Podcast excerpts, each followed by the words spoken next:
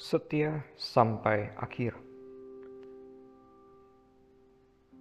Dalam Ibrani pasal 3 ayat 14 sampai 19 dikatakan, karena kita telah beroleh bagian di dalam Kristus, asal saja kita teguh berpegang sampai kepada akhirnya pada keyakinan iman kita yang semula.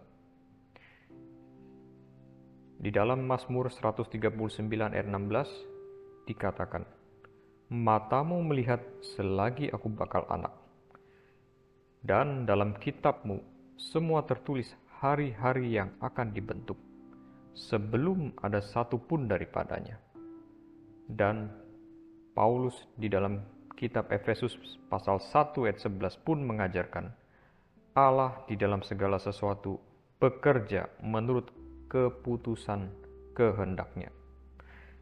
Ayat ini mengajarkan kalau Allah telah menetapkan segala sesuatunya, termasuk akhir dari segala sesuatu.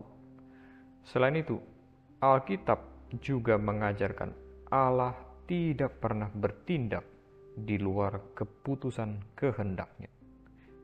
Yang berarti, segala peristiwa yang terjadi dalam sejarah manusia – baik secara umum maupun pribadi, baik yang besar maupun yang kecil, akan selalu sesuai dengan ketetapan Allah.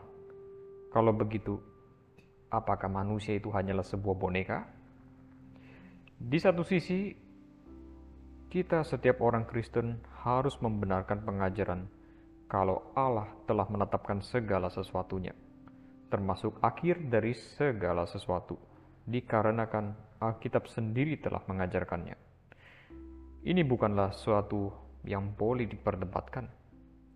Tetapi di sisi lain, kita juga tidak boleh berkata kalau hidup manusia menjadi tidak ada artinya seperti boneka dikarenakan penetapan hal tersebut.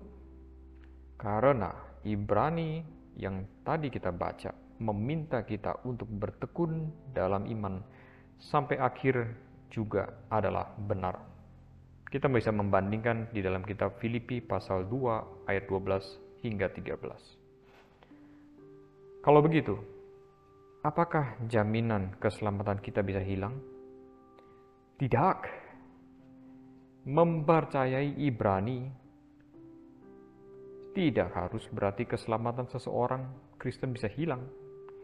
Perbedaan teologi reform dari yang bukan adalah setiap orang yang ada di dalam Kristus akan terus dipelihara Allah sampai akhir dan ia juga akan terus bertekun dalam iman sampai akhir.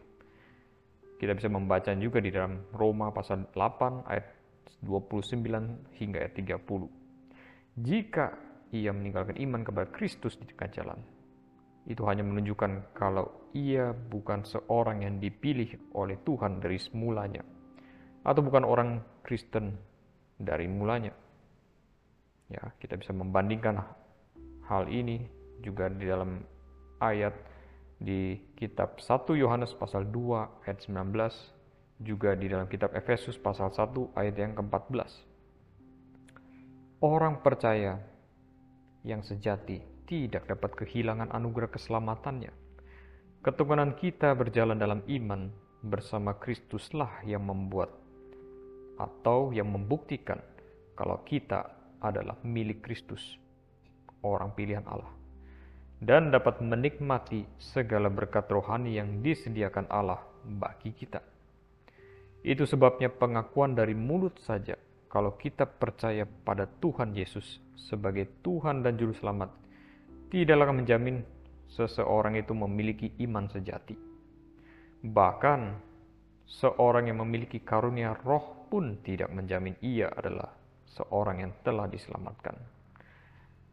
Hanya mereka yang memiliki pengakuan iman kepada Tuhan Yesus, yang terus menolak ketidakpercayaan kepada Tuhan melalui menolak ketidakpercayaan kepada perkataan Alkitab yang adalah firman Tuhan, terus hidup percaya dan bergantung pada Kristus, Juru Selamat kita, baik bagi hidup kekal maupun dalam kehidupan sehari-hari kita dalam urusan dunia ini, yang sungguh memiliki iman yang sejati, yang memiliki kehidupan kekal di dalam Kristus.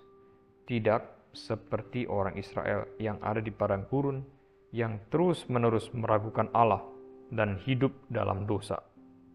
Mari kita bertekun sampai akhir. Mari kita merenungkan, adakah kita mengerjakan keselamatan kita? Adakah kita bertumbuh dalam iman percaya kepada Tuhan Yesus, serta makin bergantung kepada Dia? Adakah kita memiliki buah roh dalam bertumbuh? Dan milik siapakah dirimu?